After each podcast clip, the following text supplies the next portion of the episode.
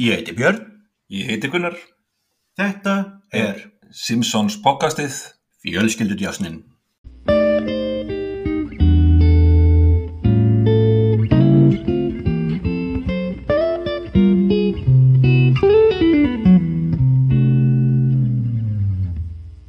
En hæ, gaman að heyri þér. Sumi leiðis, hvað segiru Gunnar? Herri, ég sé bara allt fínt. En þú sjálfur, Björn? Ég bara segi allt fínt bara. Það er ekki bara, já. Óhóhó. Herri, ég verði nú að koma við að kærasta mín á er færtu í dag. Nú til hamingju, Já, takk fyrir það. Ég Og var va- mjög ánægð með, með það. var hún ánægð með keilukúluna Gunnar? Herri, heldur betur maður. Þetta stóð í gegn.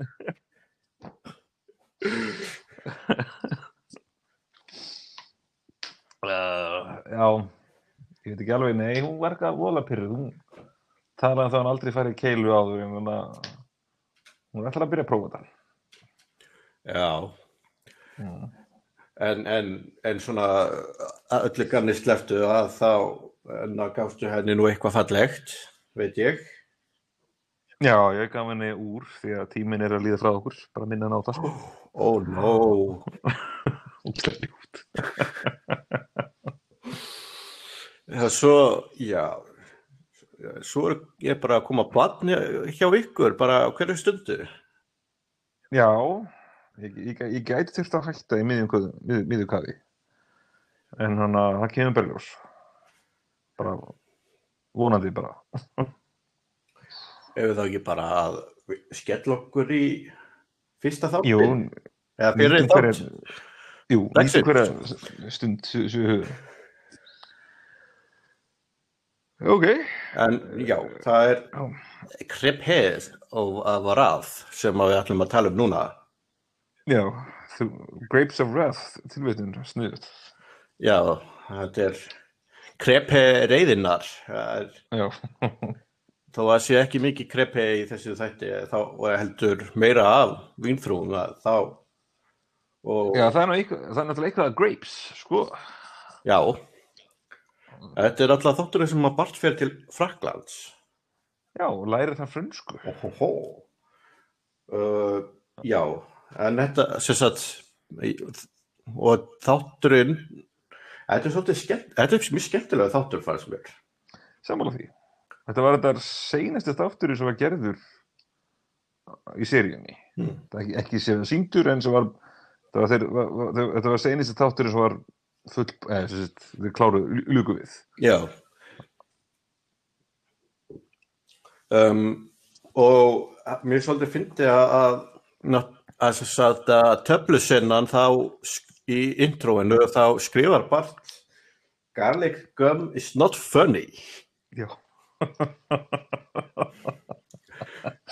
I, I beg to differ, sko. samála Új. Það var hann alveg næsti að gera þetta við. Hver, hvernig, hvernig fyrir hann að búa til kvítlöks tyggjó?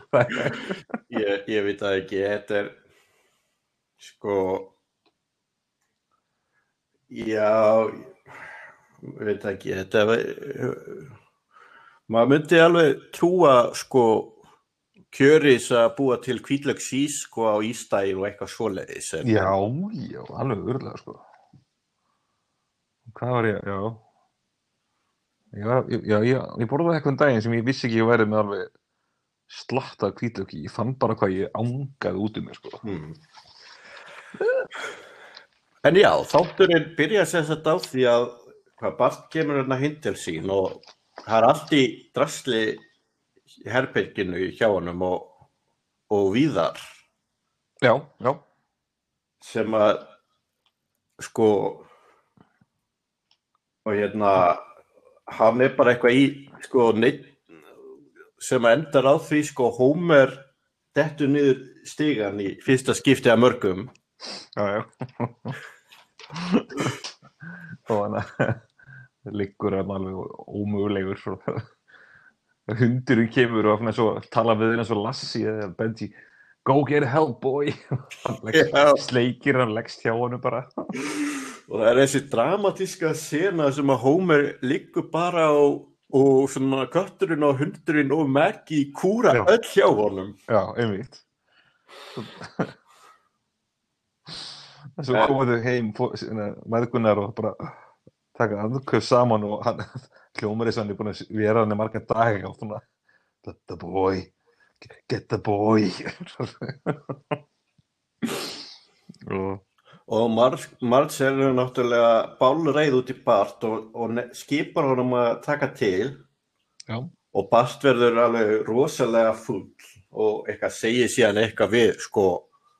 Og þá kem síðan er hann sko með gælufloss sko það er svona, það er svolítið foreshadow að hvað skal koma í þessum þætti að Bart segir við Já. sko froskin bara I wish I oh, wish I could have a life of a frog já, einmitt.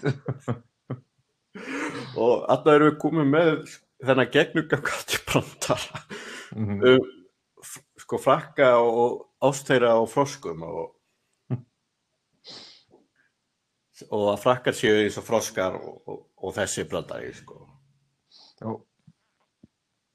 En svo líka náttúrulega eins og þetta uppeldinni krakka, veist, herbyggið er bara rú og stúi, hann kemur heim og hendir öll af sér bara já, já, meðan það lappar og er útrúlega pyrraður af því að móður hans er að beða um að taka til eftir sem var búin að gera það og hann er pyrraður af því að Hómer er klöfskur Já. meitt sig þannig að verður alveg að tekið eftir því mann eftir í sjálfur og tekið eftir með eins og með stelpunni heimilinu hann er enni fyrst henni þurfa að gera allt hérna stundu þegar maður er bara byrjum um að ganga frá átti sig bara þarf ég að gera allt Ég bara, já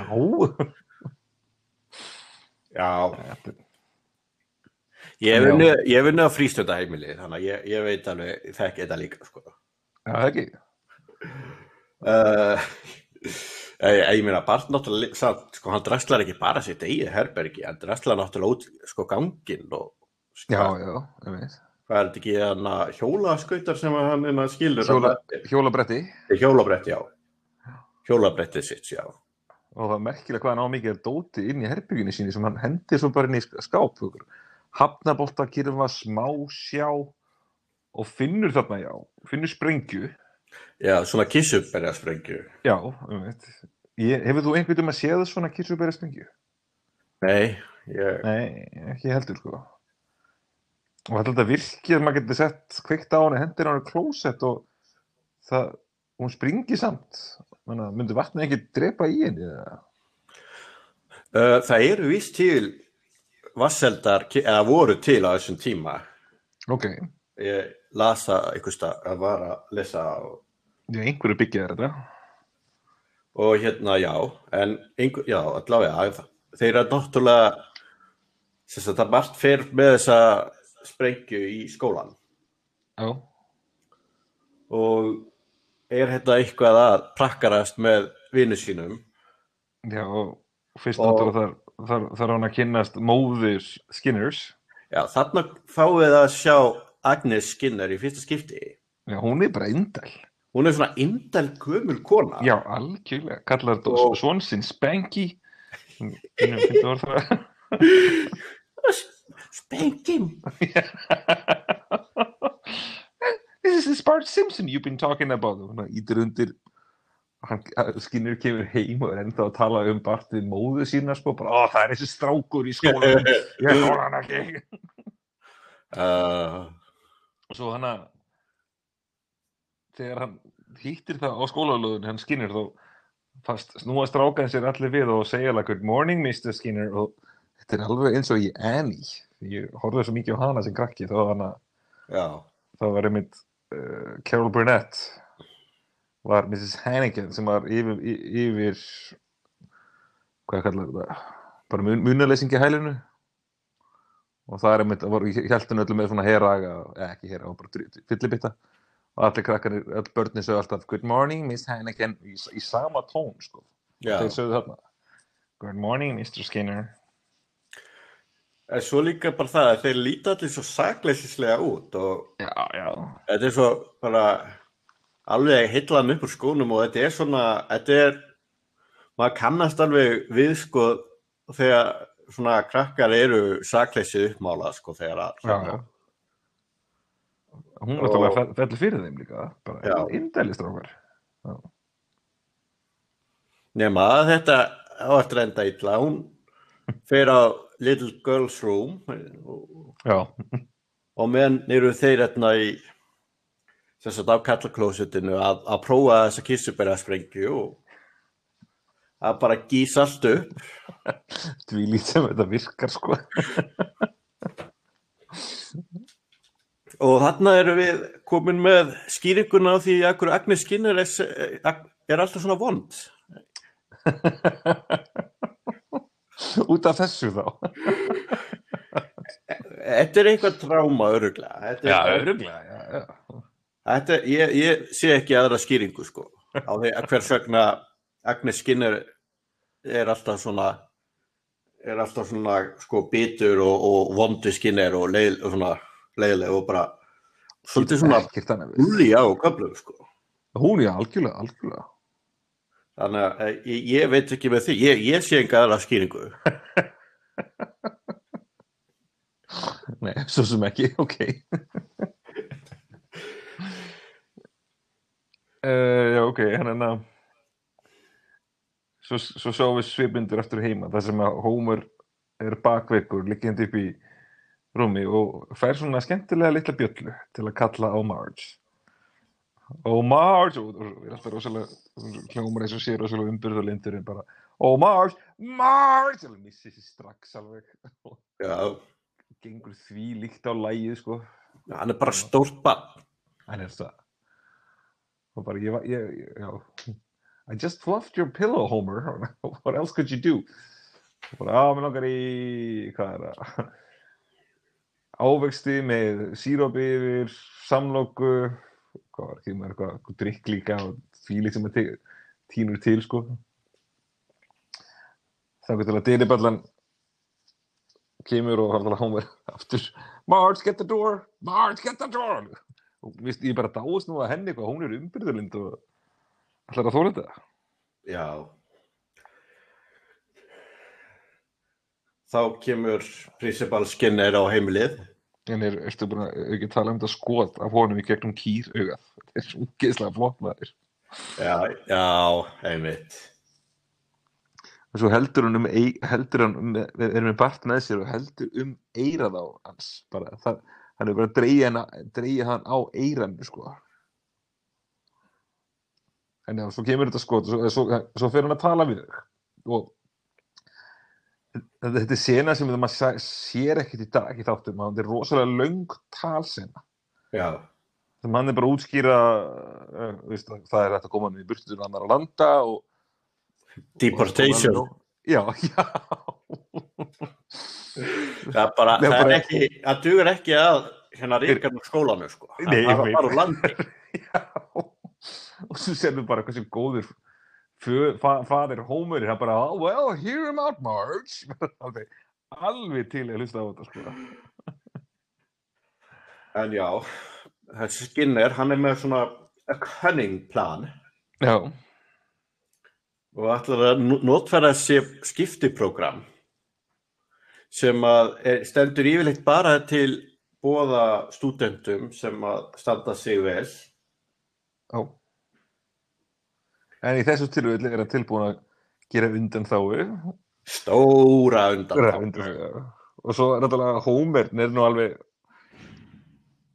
hefur nú vitað að segja menn, og Rólegur, hvernig vitum við ekki að einhver annar sé að gera nákvæmlega sama fyrir okkur? Já, er engar á okkur því að við fannum ekki með franskan gaur við myndum fá albanskan gaur. Og þeir þetta höfðu ekkert það er þetta málið þeir af hverju veldur Albaníu var út af því að það var svo nú að fjallum Albaníu í þáttum? Já, það var bara eitthvað nýtt sko. Og já, John Belushi er frá Albaníu þannig þeir fann ok, það, það er eitthvað. Já, já þeir Belushi bræður. Já. John og James. Já, eru þeir frá Albaníu, segir þeir hefist ættir er ekki til Albaníu já. Þetta er, já, þetta er náttúrulega eins og segir að sko Albanía, þetta er náttúrulega svolítið obskjúr land og, og, og ég meina, ég sjálfur sér ekki tilvílina því að að ég náttúrulega var náttúrulega svolítið einangruna stefna í Albaníu og Já, já, já, þetta náttúrulega var eins og líkt og önnur austantjálslönd austur, þá er þetta náttúrulega var þetta kommunistaríki og, Mhm. og og náttúrulega sko það sem gerist náttúrulega er sko þú veist, fyrst er held sko þegar maður fer yfir svona pólitíska sögu austatjál sko, það er náttúrulega sko fyrsta lagi þá náttúrulega er sko hérna lendir sko Tito upp á kant við Stalin Tí- Já, Tito verandi hérna fórseti Júgoslavíu og, og síðan sko lendir sem sagt Albaníu upp á kant við Júgoslavíu og þeir svona e, í kjölfæri eiginlega, þeir verða bara svolítið svona einhókur að sé einhvern veginn bara algjörlega af hérna frá hinum austatjálslöndunum einhvern veginn svona þannig að sko því litur til að þá sko þá verður Albaníu ennþá meira svona obskjúru land einhvern veginn Já, ok. og talandi um sko náttúrulega um sko pólitíkusa þá náttúrulega einræðisherra í Albaníu, hann hétt þess að Enver Hoxha Já, um mitt. sem að mér skilst að sé reyndar algengasta svona eftirnafn í Albaníu Eh, var, hann var en- tilbyðin, sko, og er enn. um og skiptinemin heitir Anvil Hoxha Já,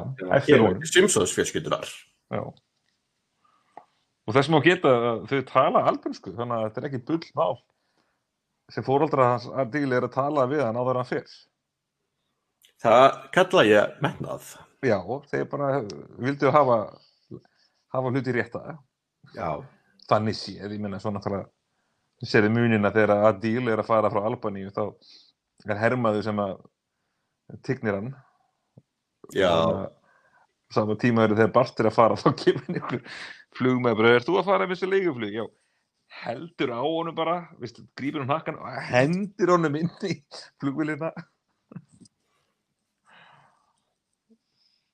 Þetta er náttúrulega, já, það náttúrulega er, en þetta er náttúrulega ritual að senda dreik hérna til- á framvændi slóðir og enda náttúrulega, já, það náttúrulega kemur náttúrulega sér alveg fljótlega ljósa að það er nú eitthvað, hann hefur nú eitthvað á prjónunum.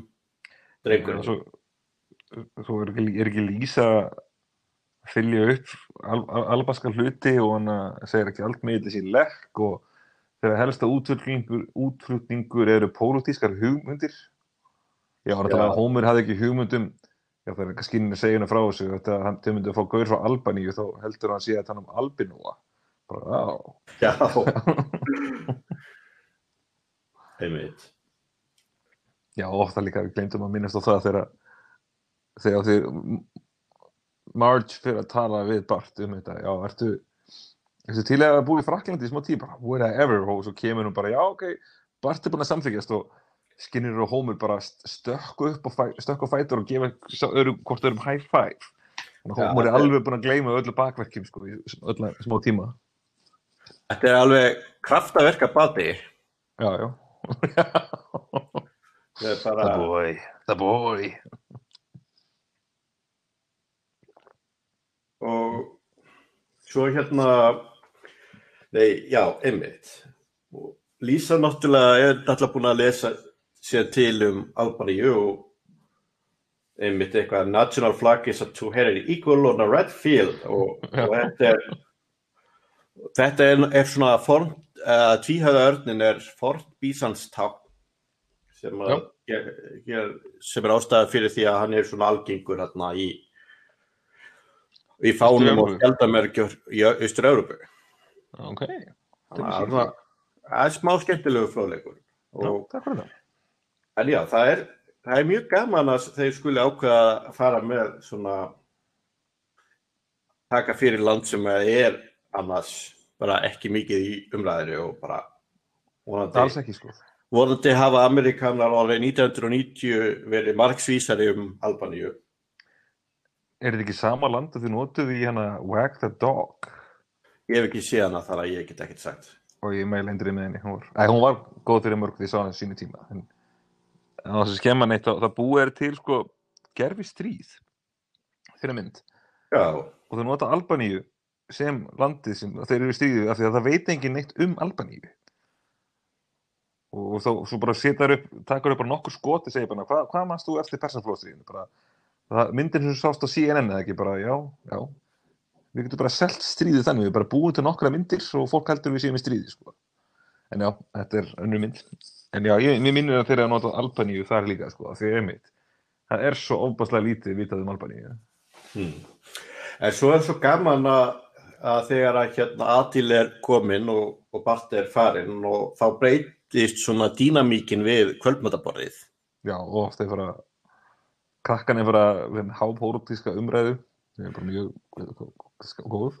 Sem að enda samt eiginlega í sko því sama og Bart og Lisa gera sem er eitthvað svona get out, get to, get Já, out, já, get já, to ég veit, já. Og þá kemur Homer með þessa svo meistara línu sko bara please, please kids, stop fighting maybe Lisa's right about America being land of opportunity. And maybe Adil's got a point about the machinery of capitalism being oiled with the blood of the workers.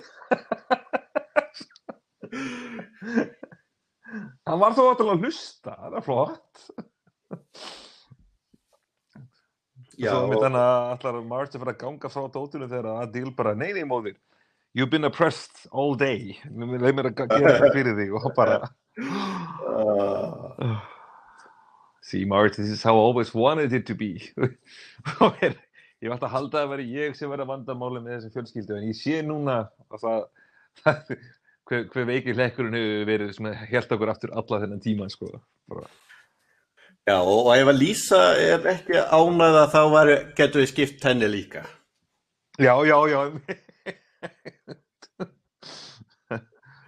bara, Homer bara bara grínast en maður veit alveg að meina þetta sko Já, og síðan heldur, síðan náttúrulega heldur Adil áfram að vera góði sonurinn og, og sýnir Homer rosalega mikið náhuga og, og náttúrulega vinnunni hans líka. Já. Og kemur það í ljós að hann er náttúrulega ekkert nema lítill njósnari. Nei, nei, veit sem við erum búin að gera sér bækistöð í tríhúsinu hans Barts. Já, segir þetta nokkuð, ég hef aldrei séð ég man ekki eftir að lýsa farið nokkur tíma upp í þetta tríhús jú, ok, það eftir, hún að gera alveg nokkru sinnum, sko. er- já takk fyrir að leiða þetta með mig það því ég bara alltaf er myndi ekki eftir því. En ok, en hann er hérna og sendir náttúrulega sem Sparrow eh, sendir einhver skilabóð og notar ekki faxtæki, notar bara eitthvað gerfin hött þegar faxtæki voru svo fjarlæguðu glutir á þessu tíma sko.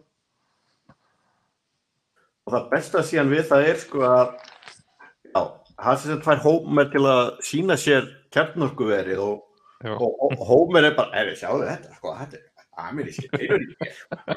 Hey, Homer and Raspberry Field. Mm. Now that's freedom for choice. That's interesting, Father, but can you please show me the pluton- plute- plutonium isolator? Uh, wait a minute. hey, Lenny, do we have a plutonium isolator? Sure, Sector 12. Uh, by the candy machine. Oh, that's Sector 12. Og síðan er það finnar að hann tekur auðvitað myndir öllu saman og Já, já. síðan eru einhverju svona albaskir herrmenn að skoða einhverja myndir með Homer að pósa. já, já, og sko, þessu fyndi líka, þeir eru sko með, þeir eru báður í, í geislavirkum búningum og það er búið að búa til svona geislavirka búning fyrir svona tíu ára krakka tilbúið Já. og, og svo hann að taka myndir af öllu og Homer er bara ána með áhugan hans og svo með þess að tekur Homer af sér sko hlífina til að sína andlitið sinn í Já. hjá geisla virka kjarnanum sko ó, hann er svo vitlis maður ég var ekki líka, líka þegar hann býður um að fara með hann í, í kjartökveri hvort það með ég sjá það eitthvað tíman á og Homer fellst á það og segir hann eins og Mr. Burns svona excellent og, og með sömu handarreiningar epíkturreiningar Já, já, einmitt. Ég var ekki líka, svo líka þegar hann, hann er ný, mæ- hann ný komin til bandaríkjana og er að, að kynna sér fram að krakkana í sko, salnum, þá segir hann bara officially I'm required to hate you bara og mér finnst þetta alveg mjög skemmtilega karakter og samband hans og Homers það er frábært Já. En já, á meðan þá náttúrulega er Bart í Fraklandi og, já. og hérna það er taka mótunum tveir svona tveir bæ, bræður hérna sem að heita aftur hérna heita Cecil ég krótaði ekki hjá mér sko, ég það ekki en já, þeir eru allavega sko sko bræðurni þeir, þeir þetta eru karakterar úr skáldsögu sem að Nú, og, já, og kvikmynd.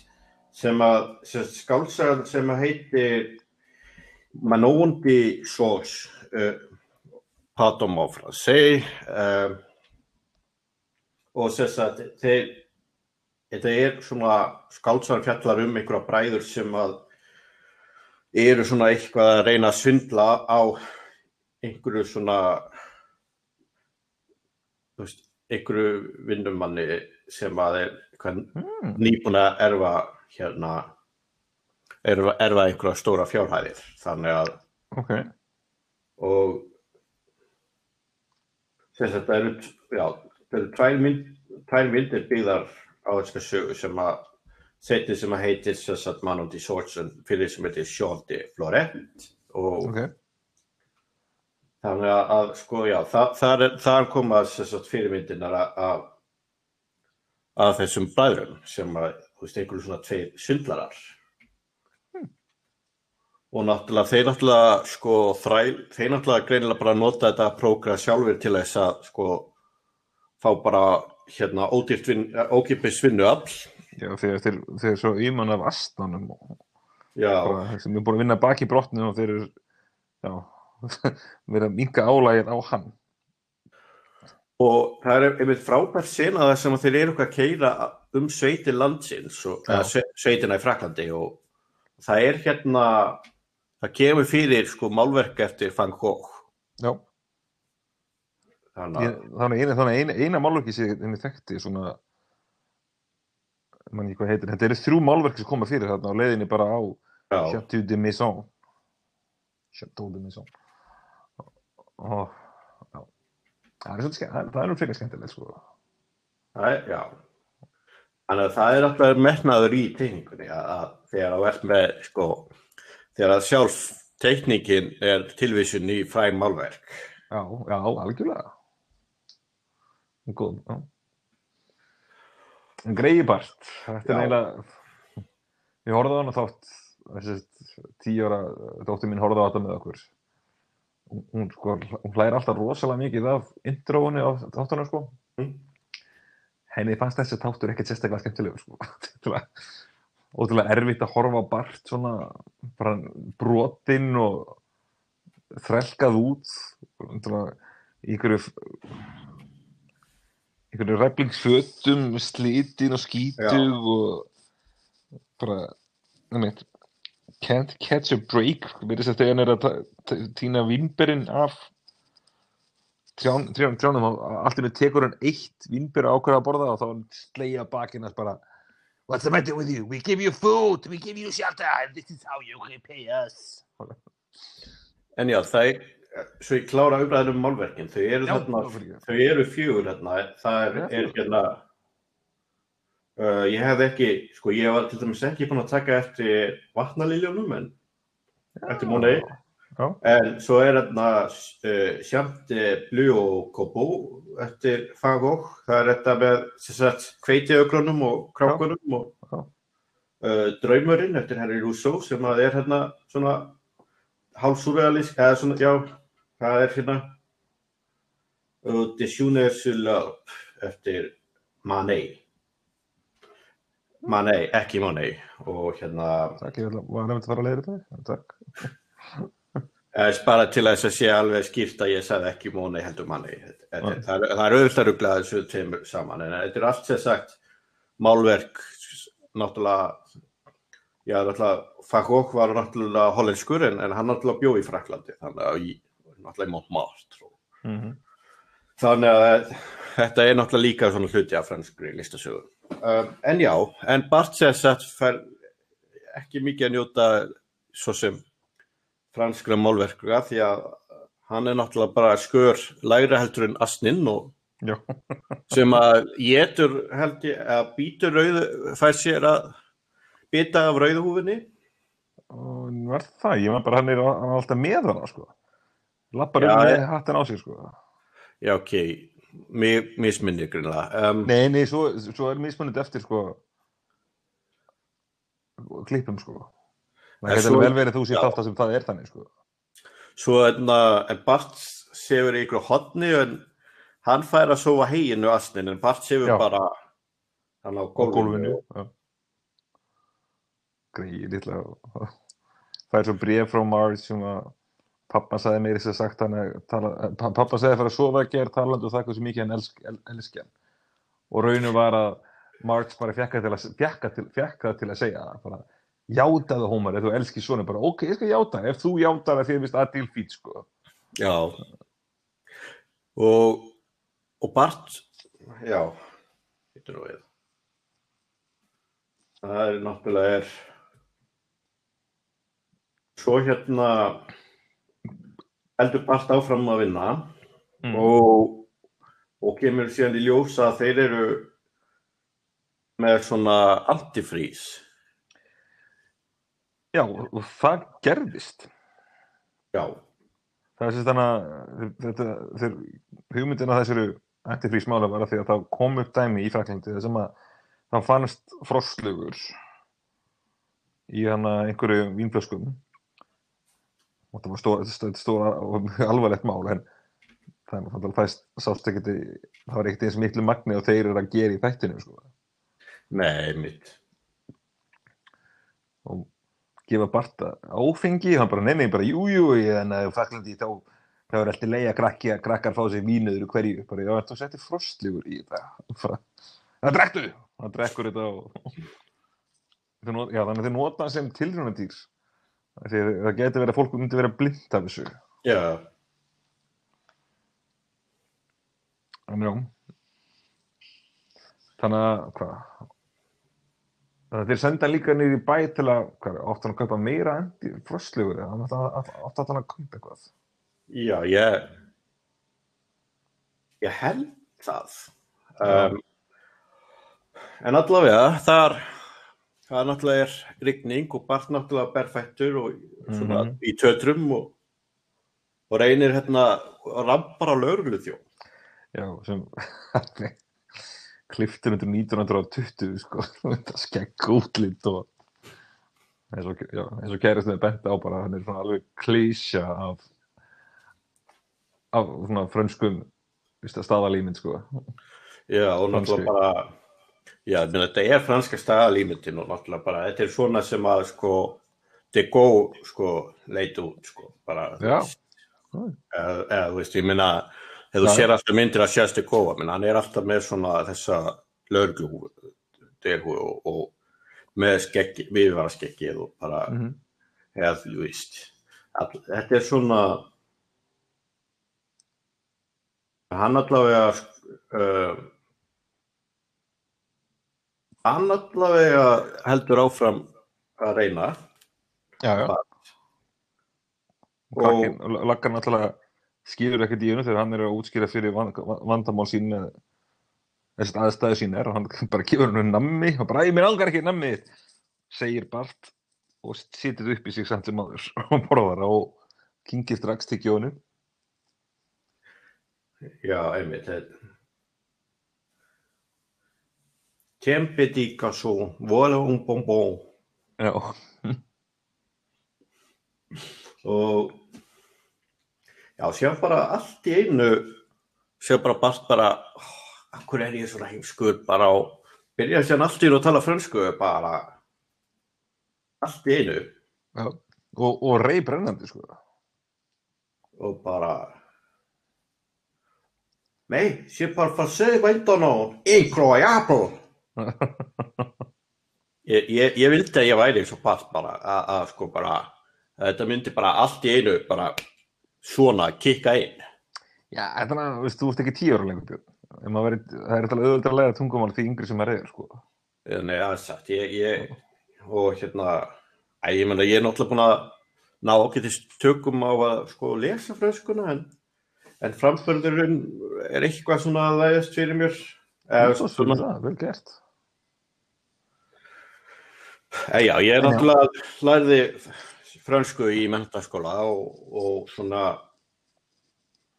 og gerði það nú reynda frekar illa sko, eins og mörg önnur þegar ég menti sko. þetta, bara, þetta var bara þannig að franskan satt alltaf einhvern veginn á hakanum og þú veist á eftir latinunni og grískunni og enskunni og íslenskunni og hérna öllu þessu og, Já. og svona þannig að já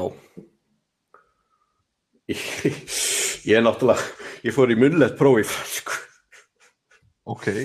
og það, það var alveg frekar mikið katastrófa ég átti að, að leggja á minni sko ljóð Ok. og, og flytja fyrir pródúmura og, og, og það var nefnilega þannig sko að skriflega prófi var frá 9 til 12 og sjá að munnlegt próf eftir hátegi Ok. og þetta var svona ég bara, já já herri, ég bara þú veist, ég massa þetta ljóð bara ég er með gott minni og eitthvað og þú bara tók smá sko sesjón á, á bókasafninu í MR sko og bara lærði ljóðið utabókar og bara allt bara gott og blessað og mætti svo í hérna mætti svo í prófið og þá náttúrulega var ég bara stein gleyma þessu ljóði.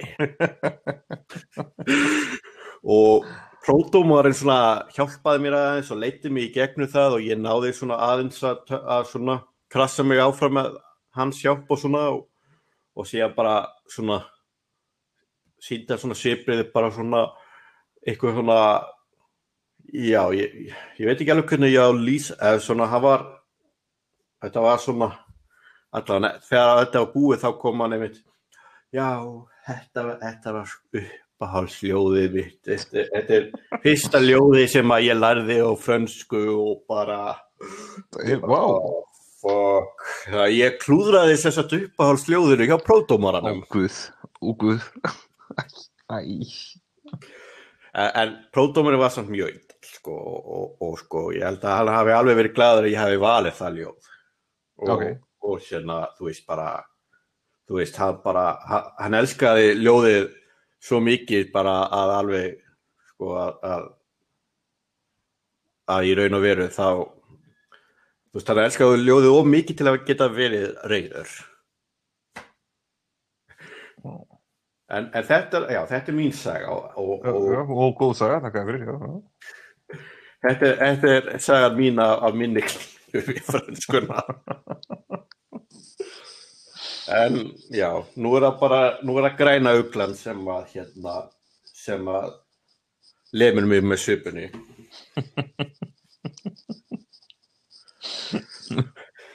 En já, Já, um, já. svo heldur part áfram og já, hann þess að kærir bræðina og, og þau farið fangelsi. Allt Já. bara er vel. Það er skemmtilega líka mjög að þegar að þeir eru handtekti þá er mitt lögreglumenni segi við þá For now on you, you will be doing all your winemaking in prison. Alveg. Já, já. Vous ferez votre vol en prison. Og þannig að þeir eru handteknir saman tíma í bandarækjunum þá er uh, kemur Homer heim og er með tekningana fyrir kjarnanguveri sem hann vinnur á og segir þeim við það já, ég held að Díl geti bara smíðað sitt eigið kjarnanguveri núna veistu. og, saman tíma er úti og fyrir utan þá er einmitt bara allíkis lögurlega mætt uh, CIA Já. og, og, þeir eru með svona gjallarhafn og þetta er svo, er svo langt síðan að það var ekki til effekt fyrir, fyrir þetta þannig að þeir þurftu að hafa gjallarhafn í stúdíónu þannig að ná þessu gjallarhafns Æ, æ, æ. áhrif já, það er langt síðan maður En að Homer náttúrulega algjörlega bara, ú, er er þetta ekki fyrir framann húsið hans Flanders, þó að sé aldrei beint sett upp, þá er þetta náttúrulega vel hlýðin, sko. einmitt. Og að, þegar svo sjá þeir að Del hann, hann bara upp í tréhúsinu þar sem hann kastar út hljóðunum honum, ég veit ekki hvað hann er að spá, er hann að, Já, hann missir sjónið mann út. já, er það ekki bara mál, hann missir hann bara. Hann er eitthvað að reyna að koma skilabóðum til Albani, jú, Já. missir hljónum hann út og bara út um dyrnar á, á tríahísinu og bara reynir að ná hljónum hannum aftur upp á hann að sést til það. En, en, en af öllum, þú veist, alvíkislaugulega sér ekki, það er bara Homer sem sér hann, hann er bara, æja, dýr, eitthvað. og bara, Á, meiri segja, þeir eru búin að handa saman, þeir verið að senda hann í burt, senda hann út, út, út la- la- á landibrott og, og það er meiri segja, sko, þeir eru með eitthvað prisoner exchange stæmi, þannig að það kemur hugaur, ungurst krakki líka, sem er kanni sem var handsamaður í Albaníu. Og þá, sko, þegar það verið að í burtu, þá var Homer ennþá bara, blessa you, I'll send you those civil, eitthvað, civil defense plans, eitthvað. Já, Já. Hann er alltaf, já, hann virkilega tók, tók til hans, þú tök að shine to him, sko, hann segja Homer. En, já, en Bart kemur síðan aftur og snýtir baka mjög franskur og með hérna, hversu franskur getur maður verið, sko? Hann er með, hann er með Eiffelturnin, baguette og með barettu, bara, veistu, bara kliftur út, hei, jú, hann, hann vant ekki að sé aðeins meiri svona, svona stríbótt föt til að vera ennþá meiri frakki í sig. já, og svo, svo mér þess að kaupir hann gjafir fyrir fjölskylduna sína. Og þau er náttúrulega bara, vá! Fyrsta selfless deed fyrsta óeigingjarna verk, verknæður sem við gert fyrir okkur. Og svo sér maður hvað hann kefti fyrir Lísu var að hann kaupir frá litla fallexi. Og sætti já, allir byltingamenn þurfa svona fallegsi. já, er, á, það er hugmyndin náttúrulega Æ, ég verið að lýsa það allavega að bylta kapitalismannum eftir að eftir góðar samræður við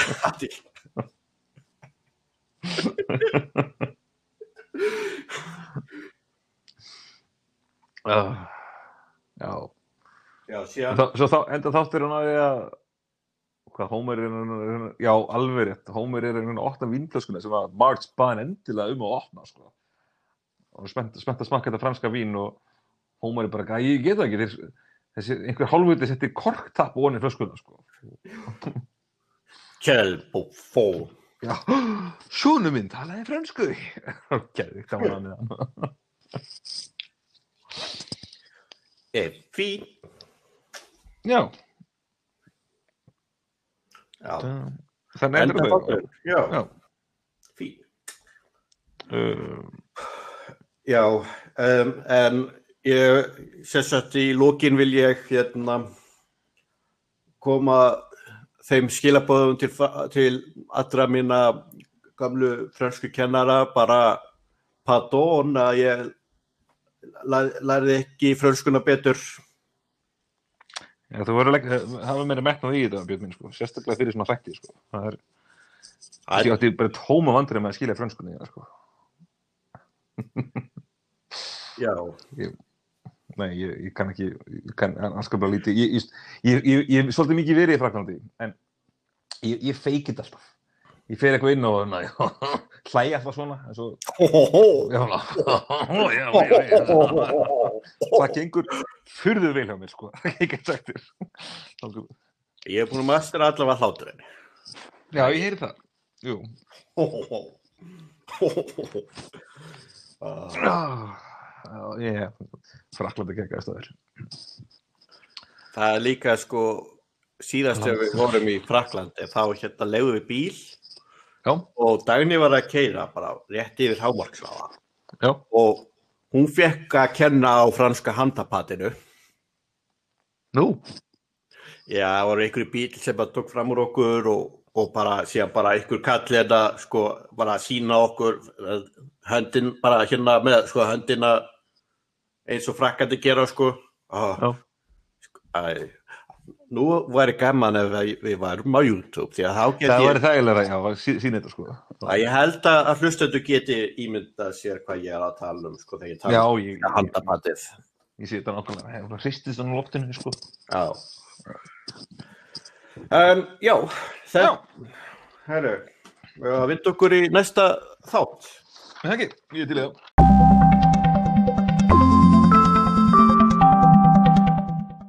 Krusty gets busted Já, þetta er skemmtilega þáttur. og þetta er alveg svona þáttur sem að ég be- lá- beið með eftirvæntingum að horfa á þegar ég kefti fyrstu seríuna á D.O.D. af, því að þetta er svona svolítið legendary þáttur Hann er það. Hann er eitthvað... Ég man þegar ég sá hann fyrst og ég fatt að hver það var sem talaði fyrir Sideshow Bob. Ég... Er að því að staupast þetta þarna alveg í hátindi sínu, sko. Já, þú, já, þú hefur séð hennar þátt að sama tíma að þú horfir á staupastein. Já, sko, uh, jú, maður horfði svo sem á staupastinni, en maður var ekki að aðeins ungu fyrir þetta, en þetta var ekkert mikið annað í bóðið þessu tíma, sko. En Nei, þetta var, var fjölskyldan sem var rosalega mikið inn í þessu. Þetta er náttúrulega þessi tími þegar að náttúrulega öll fjölskyldan er saman að horfa á sjónvarpið. Já, já, einmitt. Og veistu, við tókum þetta upp og áttum þetta spólu, sko. Já, veit. En, já, Það er hvernig fattar að þetta væri Kelsey Grammer sem að talaði fyrir Satchel Bob? en bróður minn sagði mér það. Já. það. Og hann sagði mér að þetta væri Frasier. Ég var svolítið lengi átt að með hver Frasier var. Þá getur við að horfðum á stöðbæsnett átt og hann benti þessi gur. Ég átti samt erfitt með að trúa að þetta væri hann. Því hann, hann er ekki alveg stjúbrata í fyrstu seríunum af stöðbæstin, sko. Svona meira af allægi heldur nokkuð tíma svona Veistu, hann, það, hann leikur sér Frasier náttúrulega, sem er sama á Frasier en fyrstu sérið er þetta náttúrulega gaurinn sem að stelur Diane frá Sam Einmitt. gáfaði sálfræðingun og Diane var alltaf rosalega upptekinu því að vera gáfuð Já, hún náttúrulega, sko, hún náttúrulega líka var svona, mér fannst hún alltaf vera svolítið svona, eða, þú veist, það er eins og ég held að hún eigi að vera svolítið svona, svolítið uppskafningur, sko. að- Já, ég mynd, hún er, ég, það er akkurat málið Það- Veistu, í- yfir það komin að vinna á bar en gerir það samt af því að náttúrulega færi enga aðra vinnu það er yfir ekkert annað að gera Já, að, eftir að náttúrulega, hún var náttúrulega aðstofamaður einhvers prófessor sem að hún að giftast og Já, síðan eitthvað stakkan hana af eða eitthvað svona við. Þess vegna endaði hún á að vinna á barnum en já, uh, það er hins vegar önnur saga já það, er, er stöðbæst en við erum að tala um í þessum þætti talar Kelsey Grammer nátt fyrir Sideshow Bob sem að er aðstofamaður Krusty the Clown og er alltaf í svona einhverju svona svona træpalei svona á eitthvað svona ættbolka Já, mér er svona svona víktanna hálsmenn já, alltaf berað ofan í einhver svona svona pálmatrés lendarskílu og með háru út um allt og segir aldrei og segir aldrei orð, þau eru ekki, ekki sagt neitt bara getum árin annað en með trúðaflötu já svona, það er þessi renni flauta sko. Já, ég man eftir því þegar að, að það var til svona í tónmentastofunni í Grandaskóla og maður fekk að prófa. Það var ógætlega gaman já, bara, ekki. Bara uh, en svo einmitt í kreditlistanum þá kemur They're laughing at me not with me að já, á, á, á- í töflunni, já, í trónu, já þetta hefur svolítið oft ekki- alveg náðu að tengja þetta nú þetta, þetta, þetta yfir höfuð ásvöldi vel við þáttin hvað kemur þarna en þetta var samt komið á þann stað að þeim var, þetta var orðið svona bínu kvöð fyrir eh, framleiðendur og og rithöfundur að finna eitthvað til að setja ákrítutöfluna í byrjun. Já, Þannig að þetta var svona ákveðin busun alltaf þegar rithöfundur kom bættist í hópin þá var vinnan hans að finna eitthvað til að setja á krítutöfluna sko. einmitt. En já, leikstörun þáttur minn er hann Brad Bird. Ég hef tekið eftir því að Brad Bird framleiði líka eins og marga þætti. Hann Já. kemur oft nafnað skimir kreditlist, kreditlistunum og ég er nefnilega þekki einn leikstjóra og handritsöfund sem heitir Brad Bird. Þetta hann ekki persónulega en ég veit um eitt sko. Hann nefnilega leikstíði Mission Impossible 4, Ghost Já. Er, er þetta sami? Þetta er nefnilega svo sami, ég loksist fekk það staðfest í þessum þætti. Hann á, á líka pix, þrjár Pixar bíómyndir, The Incredibles, náttúrulega 1 og 2 og Ratatouille, sem er nú, já, hans er góð mynd, þannig Ratatouille. Já, En já, þátturinn byrjar á því að krakkarnir eru að horfa á Krusty the Clown. hefur, sko, nei, hann byrjar nefnilega á andlitun á Krusty, sko. Já, og svo flott nefnilega, allir þættinir byrja og segja til hvað er að fara að gerast.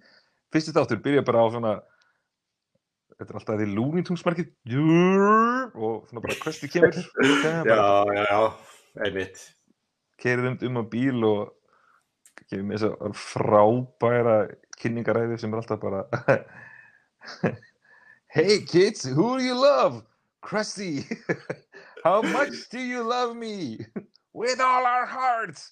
What would we do if it went off the air? We'd kill ourselves. bara propaganda Oh, ógeð sko. bara, já, þetta er bara, mig góður, þetta, þetta er eitthvað, ég, ég ekki veit ég hvað þetta á að vísa í. Ég, nei, ég held að sé ekki sérstætt sko. Er er þetta bara svo, þetta er svo óheilbreytt eitthvað, mitt. svona einhver dýrkun á, einhver celebrity dýrkun en að, sko, en ég minna, þetta er náttúrulega líka bara fyrir Bart er hann náttúrulega bara átrúnað að goða þess að hann, eins og Já. segir, hann byggir líf sitt á, á kenningum hans og það, það er nefnilega það og þarna er bara, og í, sagt, í þessu þætti að þá er nú herbyggja spart, það er nokkuð hreint, en það er, lí- enda er það líka fullt af uh, alls konar merkjavörum frá Krusty, eða sem sagt, plakut og fleiri það, og það, sko hvað þið grættu nú á þým þegar þið þurftu að búa til eitthvað fullt af dóti svona fyrir þáttinn til að hann að Bart geti verið sorgmættur og ha- halda á dóti til að, þið þurftu að brenna líka eitthvað dót Já, svo náttúrulega var þetta dót sem þið byggu til fyrir þáttinn, það var bara búið til fyrir heim, raunveruleikan og, vist, fyrir okkur, bara Mm. og þetta var náttúrulega keift í gríðu erg, sko móg grættu af þessu, sko en Já. já, uh, En svo er líka kynnt í kynnt sögunar þessi frasi I didn't do it. já, einmitt og, og Sergio Bob fær strax fóð aðtegli því að hvað var það? Britney er eitthvað og hún fara að velja að gera annað hvort að, að hvað var það, lesa eitthvað að gera eitthvað svona skemmtilegt. Eða skjóta Sergio Bob út úr fallbusinni og Sergio Bob bara nei og hann má ekki segja neitt en þetta er að segja, þetta er að tólka þetta með þessari trúðaflautu Já. Og, ná, já. Þetta velur hún fallbissuna. Já, já, og það segir líka bara þetta hefur ekki virkað hingað til en við hefum kannski ekki nóga, nota nógu mikið af púðrið, sko. Já, og hann endanum þá flýgur Sergio Bobby á eitthvað rosalega látt. Nei, nei, það flýgur ekki neitt. Nei. Það skrýður út af fallbísinu, sko. Það bara Já, kemur já. kallur og svo bara svona legur hann út úr og svo hárið er bara sviðnað af honum og það bara vex aftur á time, sko. En, en já, greiði maðurinn. Uh, sem er náttúrulega, já, maður skilur kannski af hverju hann, af hverju framönda verður eftir að maður sé þetta, sko. Já, einmitt. Ég meina það er verið að leggja línuna fyrir hvað koma skal og Já. Þannig að, já, og menna, þau eru náttúrulega ég er náttúrulega greinilegt að það er búið að taka þennan þáttu því að meðan að fyrir um daginn, því að meðan þau eru að horfa þá sem sagt er Homer beðin um að fara í Quickie Mart á leiðinni heim úr vinnunni Já. en að því að Patti og Selma er að koma í heimsókn og og Homer bara svona mmm, triple chocolate og hvað en, en já, sín, sko, Ah. líka, og það, máli, þetta, þetta, var, þetta var svo mikil brandar á þessu tíma, triple chocolate. Ú, chocolate, double chocolate, triple chocolate, 1990, það var bara fáralega hugmynd að kalla eitthvað triple chocolate, sko. já Já, já, í dag, þetta, þetta er alveg til, sko. já, ég er náttúrulega ég leita alltaf að triple chocolate þegar ég fyrir krónuna það er, þú veist náttúrulega, núna náttúrulega þá er það ammali sísin sem að ég elska mesta því að þeir eru búin að milja sko vöfluformið í setja í ísboksin sko, þú komst með þetta, þið komum með þetta til okkar eitt skipti í mat. já, Núna, að, ég að reyna að taka má í mataræðinu, en ef ég fer þetta búð, þá bara samt kaupi ég alltaf eitt svona boksmaður. Og svo er þetta alltaf búið á eftir nokkra daga. Þetta er Ís svo, er svo góður. er Svo gott maður. ís er svo góður Já. Uh, já, allavega, uh, hann fyrir að, hann er byggðin um að kaupa ís af því að Perry and Selma er að fara að koma með hann að slideshow myndasýningu frá, frá ferðalæginu þeirra sko. já, ferðalagi þeirra á Yucatanska Já, ok.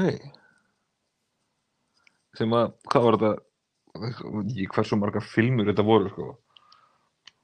Sko, það er alltaf að ferðast en maður sér bara hvað krakkanir eru bara, oh, þetta er ógeðslega leðilegt maður. já, svo líka það finna er sko alltaf þegar þær eru að ferðast að þær fara alltaf einhver svona áhugaverða staði en taka alltaf ógeðslega leiðilega mynd Ó já, algjörlega. Taka myndir, og líka þeir óanaðir í framan bara mynda þeim og hafa verið takkói, mynda henni í sólbæði, svona bara, já. æ, karamba.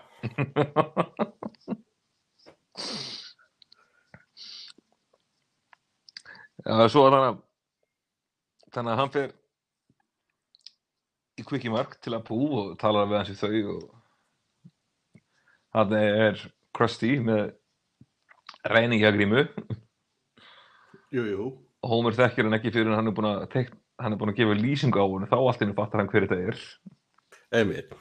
En þetta er svo líka góð sena því að Homer er að tala við Abu Já, og eitthvað, oh, my sister-in-law are coming. Are they gruesome, truesome as I call them? og stígur síðan á löppina á Krusty og síðan er hann með byssu og hann hoppar eitthvað á bakvið eitthvað svona snakkir, já,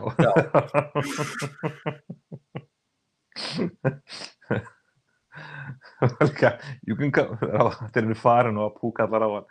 You can come out now, the chance to play hero is gone. Já.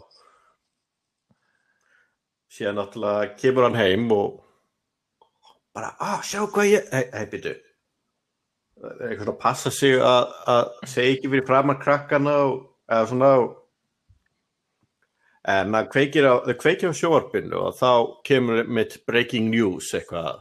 Já, já, þá, þá, ke- þá kemur þetta við talaður um daginn þannig að 10 o'clock news with Ken Brockman þá kemur, hello Ken Brockman is off tonight, I'm Chris Parlson eitthvað, já og Scott Carson. Og Og byrjið þetta líka á er- okkur og byrjið líka á okkur í brandar þannig að why did the why did the clown cross the road to rob a, to rob a quickie mart? Það, útskýring á þessum góða brandara líka tíu. Empathetic joke.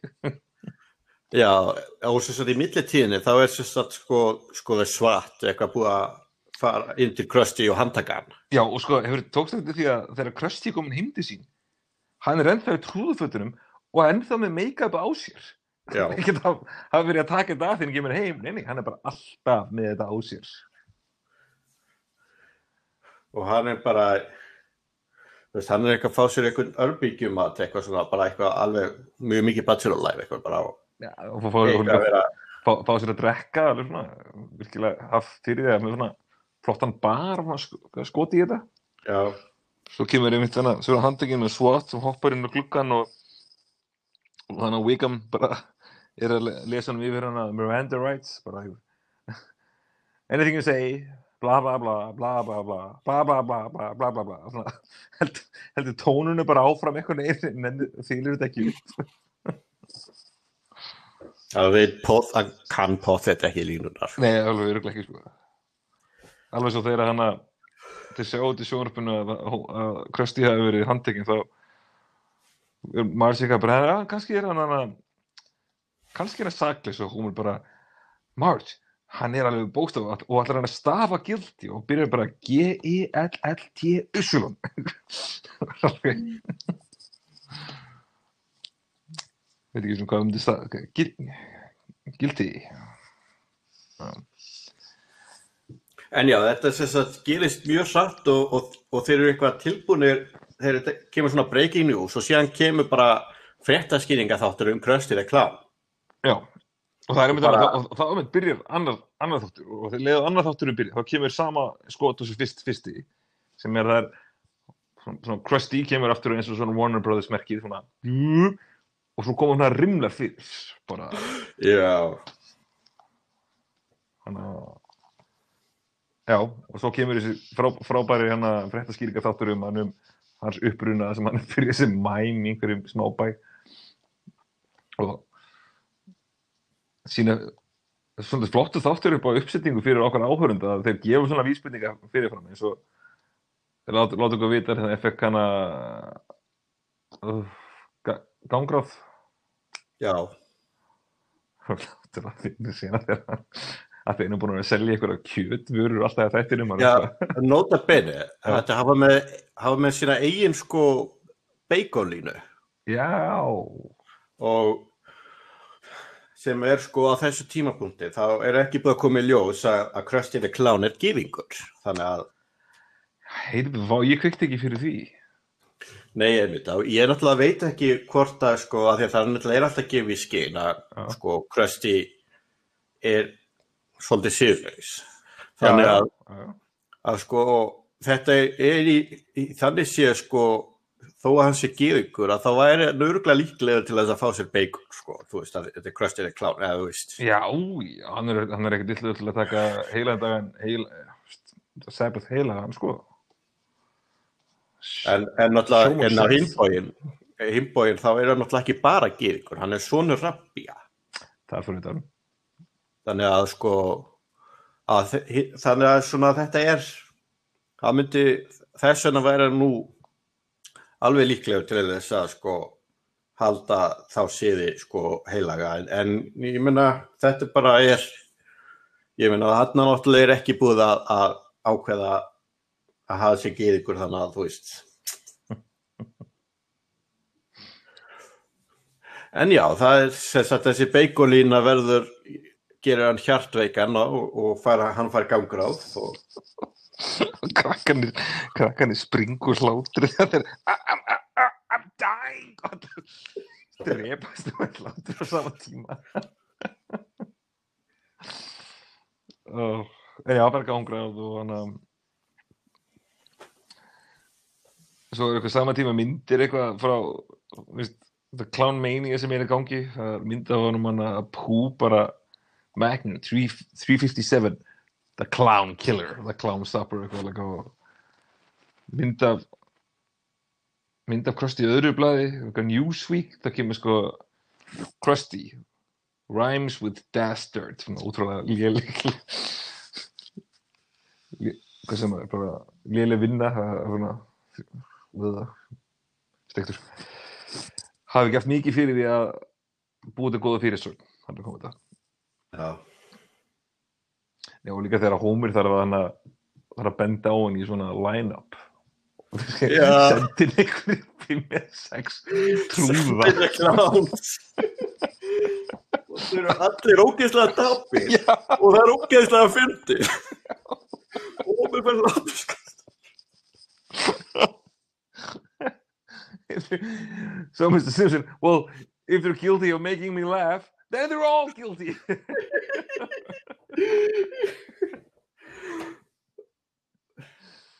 En já, Homer sem sagt bendir á Krusty og síðan byrja bara réttur aldrei yfir honum. Já, og líka þessi smá, það er einhverja smá brandar þarna, líka rétt að þeir fó- koma allir trúðunir inn í line-up og segir, Mr. Bu- segir Wickham, ok, send in the clowns. Svona Frækt lag eftir Sondheim sem að mér svo vitt að við síðar, sko.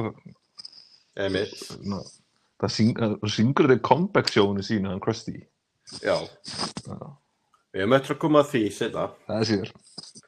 En þú veist að tala um hversu síðlösinni, þegar sko Bart er búinn að sjá þetta í sjóarpunni meðan að hann, hann er verið handekinn, þá fer hann upp í herbyggin og er með svona dúkku sem er sama dúkkan og hann að er fyrir framann Homer þegar hann dettur niður tröppunar í þættunum áður Já. sem eru batterislaus fyrir einhvern ástöðum endur tekur bara sömu línuna aftur og aftur í þættunum undan. En þarna er mitt dregur Hó- Bart í línuna kemur eitthvað you my best friend bara segjum ekki Krusty. Svo dregur hann tvisar í þetta og kemur, og þegar það kemur sömu línuna sem er buy my cereal. Buy my cereal. Já. Uh, og en já uh, er þetta ekki fyrsti þáttur eftir þessi Kent Brockman sést? Ég held það. Ég er alveg viss um það, er alveg um það sko Nefn að síðan hérna sagt kemur að því að það eru réttarhöld og já, og bara, er gengur það? lappar hana inn. er það daginn eftir eða eitthvað? Er það- það líður ekkert langur tími það réttur eftir að byrja sko Nei, og og sérst Krusty er í fangabúning Já. uh, og númerið er A113 já, sem er held ég sko tilvísun í stofuna stofu í ykkur listaháskólar sem allir teiknarnir voru. það er nákvæmlega þannig það er, það er stofan hefur hana leikstjórunum Og, eða teiknarunum fyrir ekki og einmitt og Bart bara tell me þessi trú og Krusty svar bara I didn't do it. já, Og allir hlæja.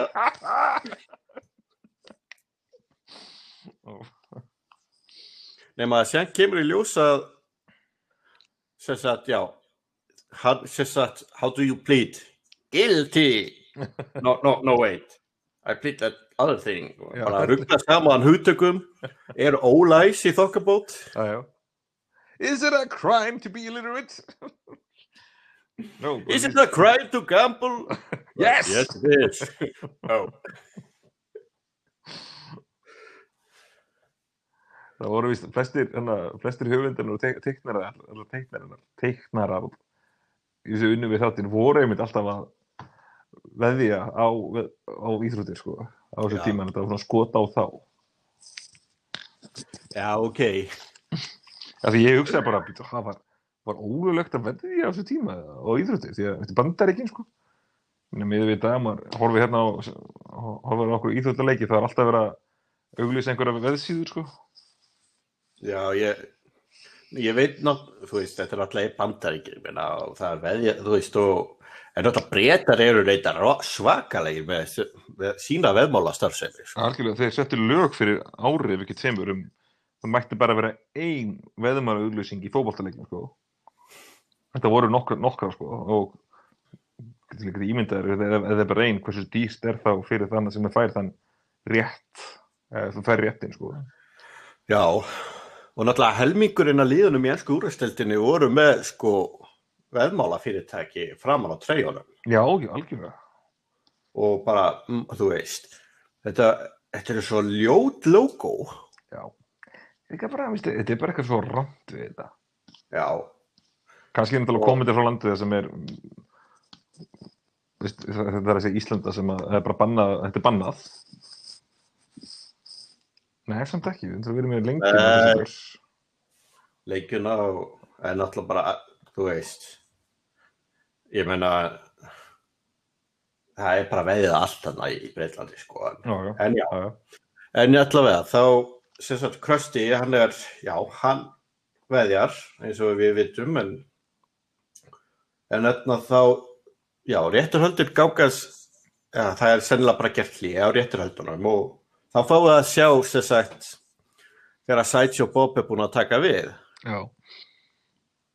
Og og allt, allt, allt annar þáttur, sko. Menningalega sinnandi og þannig að byrja bara virðingu fyrir krökkunum með eitthvað er. og hann er alveg rosalega intellektual Já, og síðan gefur þessi brandari að því Krusty byrjar Who do you love og síðan gefur hann þegar hann byrjar, þá gefur hann. Whom já, you já. love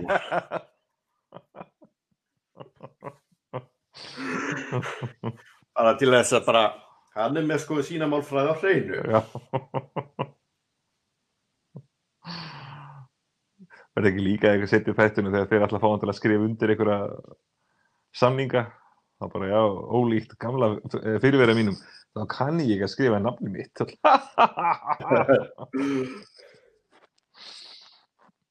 Svo er alveg náttúrulega rosalega múæsingur og þetta er svo gaman með Springfield hvað þeir eru rosalega dugleg að detta inn í svona múæsing. Já, sko Reverend Lovejoy er alveg hvetja til þess að fara að hafa, hafa brennu til að kveiki öllu Krusty the Clown merkjum og vörumerkjum og svo einmitt þegar og þá einmitt þegar Homer er að taka allt ótið hans Bart bara þá er Bartarinn að stöðvan bara Dad, don't give in to mob mentality. Og Homer bara no, no, no, Yeah. I'm, I'm, I'm not. I'm hopping on the bandwagon. Það er svo það vil bara vera í vinningsleiru algjörlega. Nei, hvað er samt það mob mentality annan það fylgja bara strömmnum og það sem líðurinn er að gera. Um, ok, en svo, svo þegar kveikja í þessu þá erum við kemur Lovejoy með þessa lífylýsingu bara. Þetta eru, þetta eru nú barnalegum þannig að þeir eru rosalega eldfinn já, svo kveikja þær í þessu og fólki alveg svona bara svona ljóma í augun bara úúúú fyrir upp eins og tindir sko en já. Svo er þetta sem sagt, en já. En áfram með sem sagt, þáttin hjá Sideshow Bob. Hann er bara, hann er að lesa sko sem sagt, já lesa kapla úr Man in the Iron Mask og já, og en síðan á að syngja sko. Hann er held ég líka að lesa það sko hann, hann er ekki hann ætlar að lesa það næsta dag en hann er að lesa The Battle of the Brigade það er svona sko hersveit ferst, það er bresk hersveit sem að það var í Kró- Króatíu. Og þeir fara í hana þeir fara bara á móti ykkur fallbissu hér og þeir fengu vitlis skipun. Já, og þeim er bara út, þeim er sko þeim er slátrað. Já og hann er að lesa þetta sem barnasögu fyrir krakkana sko. Um, Þannig að hann er svolítið, gerður svolítið svona breskur í, eitthvað yfirstjættar snopp. já, já og eins og segir, svo fyrir að syngja Cole Porter svona. Að ég meina, hann er alltaf bara freysir, sko. en já, ég meina, algjörlega kannski ég líka fengi bara umveitina freysir eftir að sé þetta Að nei, náttúrulega freysir er náttúrulega kemur á undan. Já, en ég meina, freysir er svo verður svo snobbaður og hvernig verður svo með hann Já, já, já, já. En nema náttúrulega Bob er ennþá í, í þessum hérna frumbyggagalla sínum. Já, já, já, já, einmitt, og svo, þessu kærist þetta bent á, þegar þátturinn er búinn, þá fer hann einmitt í slopp og þannig, sko.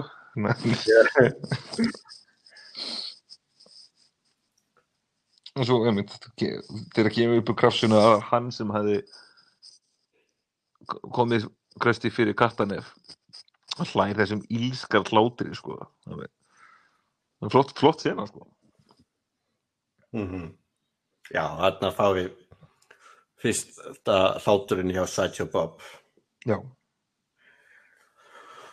Og síðan hérna, já, síðan náttúrulega kemur Bart að fær og lýsa þau fá áhenn hjá Sideshow Bob en hann hefur ekki tíma að gefa þeim miða á, á upptöku og já, eftir að, eftir að Bartið er farið til Lísu til að byrja um hjálp.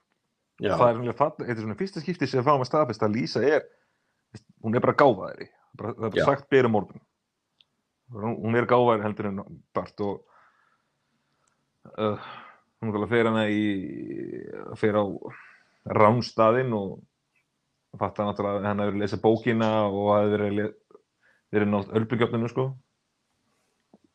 bæðilega rauk sem að sorry, hljóku, hljóku fram fyrir því en þegar hann fær þeir komið þáttinu og hann fær að tala við Sergio Bob og hvað hva, hva heitir þetta aftur? Eitthvað hann ákvar að tala við hann þegar hann var svo nýðidregin Já,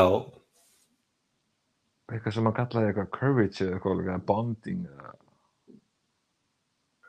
já, hann alltaf sko að spyrja, já, what's on your mind, Bart? Is it that other children don't accept you? Well, sure, papa, but that doesn't bother me. og svo hérna ég einmitt, en Sætjó Bob trekur þessi rökana lýsu Já, já, þetta náttúrulega er vitamál að Krösti hugsaði ekki um heilsu sína Ah, er og að þó að sé ólæs að þá getur hann alveg verið að skoða einhver svona tímarit. Já, ég er myndir í þessu. og já, hann sem sagt, segir svo just look at these amusing caricatures of Gore Whittle and Susan Sontag. Susan Sontag sem er frægur ljósmyndari og mikill hugsuður sko, sem að og hérna, þú veist þetta er bara svona myndmáli sko, og bara en svona mjög svona mikið svona gáfumanna tilvísanir sem að ættu ekki að vera skiljaleg bart eh, nei. Líka. Vítilega var hvað var fættur uh, 25 manni var hann að opnum, hann var sem er, hann var ekki tíkinu tíkinuður, þakka fyrir já, openly bisexual guður og líka á þessu tíma þegar það ekkert verið eitthvað rosalega vel líðið nei, einmitt. En svo kemur svona ákveðið Evreka moment þegar að þegar að Satchel Bob segir að he has a big shoes to fill Já. og Bart sér svona tómt augnar á því Bart og bara big shoes to fill, big shoes to fill. Og meðan að Bart er uppgöt þetta þá er sem sagt þá heldur Sergio Bob áfram. There was a school of thought called stoicism. Nei, hann að og þú veist sem að eiginlega svolítið svona fjalla svolítið um að reyna bara að sko svona er svolítið bara geigur að, svolítið út af það að bara róa sig eða svona eða þú veist það er alltaf taka, tala um að taka hluturum með stóiskri ró til dæmis. að sko og bara það er svolítið að neyta sér um sko all, svona eða allar nautnir og, og, og svona hvað maður að segja þú veist. Eð, og bara þú veist þetta gengur svolítið út á að aga hugar svolítið myndi ég segja eða þess að ég skil stóisma en, en, en ég er ekki heimsbyggingur þannig að ég sem að ég ætla ekki að, að hafið eftir Nei, Það eru öruglega fullt af ykkur heimsbyggingum að hlusta á okkur sem að er að rífa hár sitt núna. Þeir eru öruglega ekki að taka hlutunum með stóiskri ró.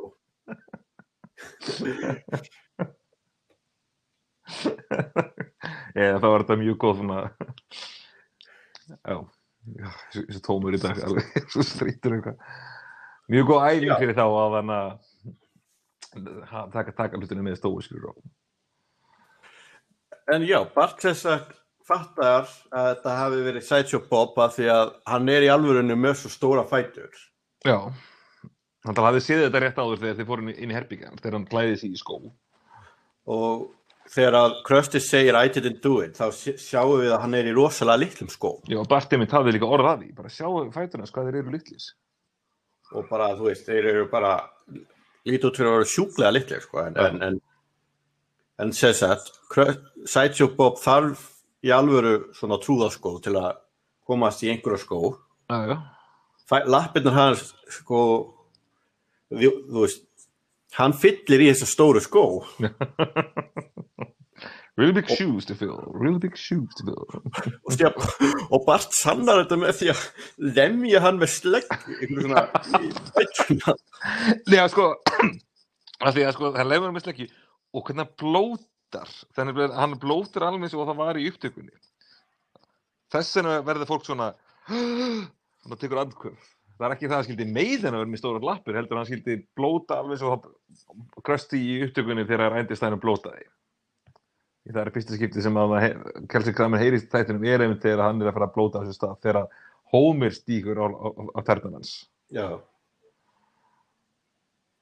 Já, en, það er náttúrulega- en þegar einhver ástæð þá er náttúrulega Wickham að horfa á Satchel Bob þáttinu á sama tíma. Og Lou, ekkert ekkert annað að gera lögurlega menni heldur en að horfa á hana þátt. Og það er bara best að fara að sækja pick up the clown. Já, Já, og svo bara verður Krusty hleyftu fangilsi, hann er strax komið make-upið á og Homer byrður hann innilega afsökunar Sorry that I fingered you in court I hope the stories you hear from prison are exagger- exaggerated að frekar frekar lúmskur svona klúrubrandari fannst mér sko Nú, já.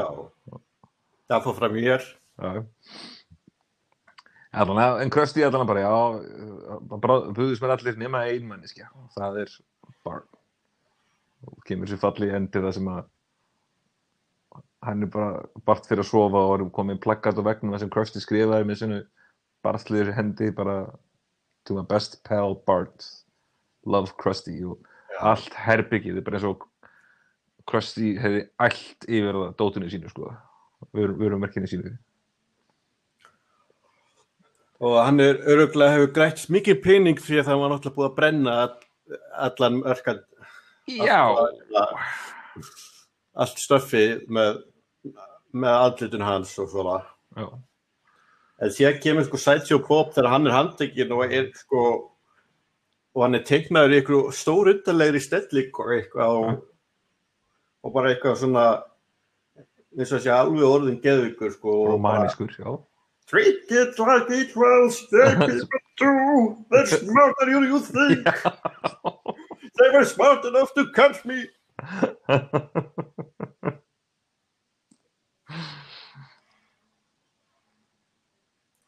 Uh, Já, og allt sé gott sem enda vel. Uh, Já, ekki. Þetta er bara það er bara góður en farsall, endi fyrir allega en veistu þetta að fyndi þannig að glemdi að minnast á það þegar að Krusty fær þetta hana við sakveldur hann, hann, er- já, það hann kemur hann er, er, hann er dæmdur segur sko.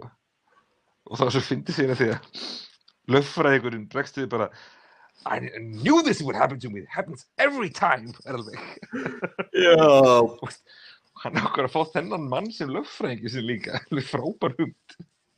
Einmitt. Uh, en já uh, við erum að tala um aður náttúrulega Krusty er náttúrulega fyrirmyndan Krusty er Homer. En svo er vist einhver önnur líka dýpri fyrirmynd fyrir sem er einhver sem heitir Rusty Nails frá var í Oregon Portland, Oregon. Já, En það var víst hann var, ekkert anstiglegur en það var víst eitthvað kristilegt bóðskap öðru hverju í þáttunum sínum og var að reyna að selja eitthvað mjölkugurur Mm. Svona læri maður, maður hlustar. En já, og svo, og svo var að tala um í byrjun það er uppbyggingin á öllu þáttunum. Vist, hver einstu þáttur byggir á því hvað koma skar, eins og þú segir. Hann byrjar á því að mynda Krusty. Annar þáttur byrjar á því að það mynda Krusty svo kemur svona fang, fangi þessi svona, þessi orðið fangi. Og þriðið þáttur byrjar á því að það er mynda Sideshow Bob í staðan fyrir Krusty eins og í byrjun. Þannig að já, já, það er skemmtilegt hvernig þessi þáttur er byggður upp. Bara mjög, mjög, mjög. Held, heldum hann er alveg hröð, hröð hraðvinda. Já. Já, ef hröð framvinda og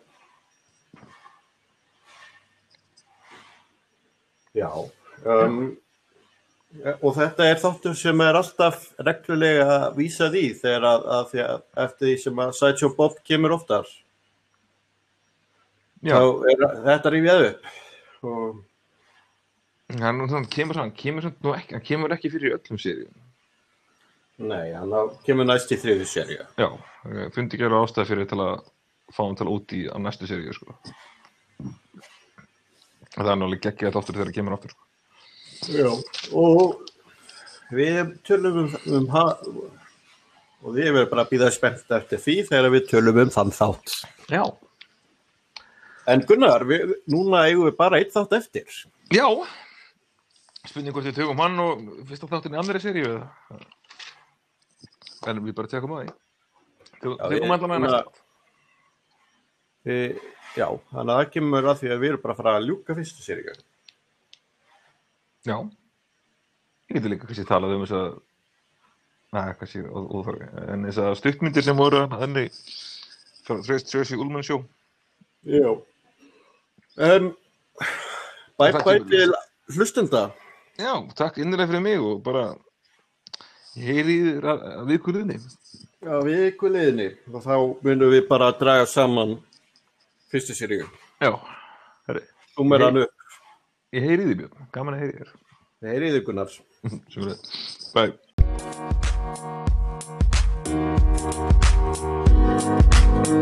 Bæ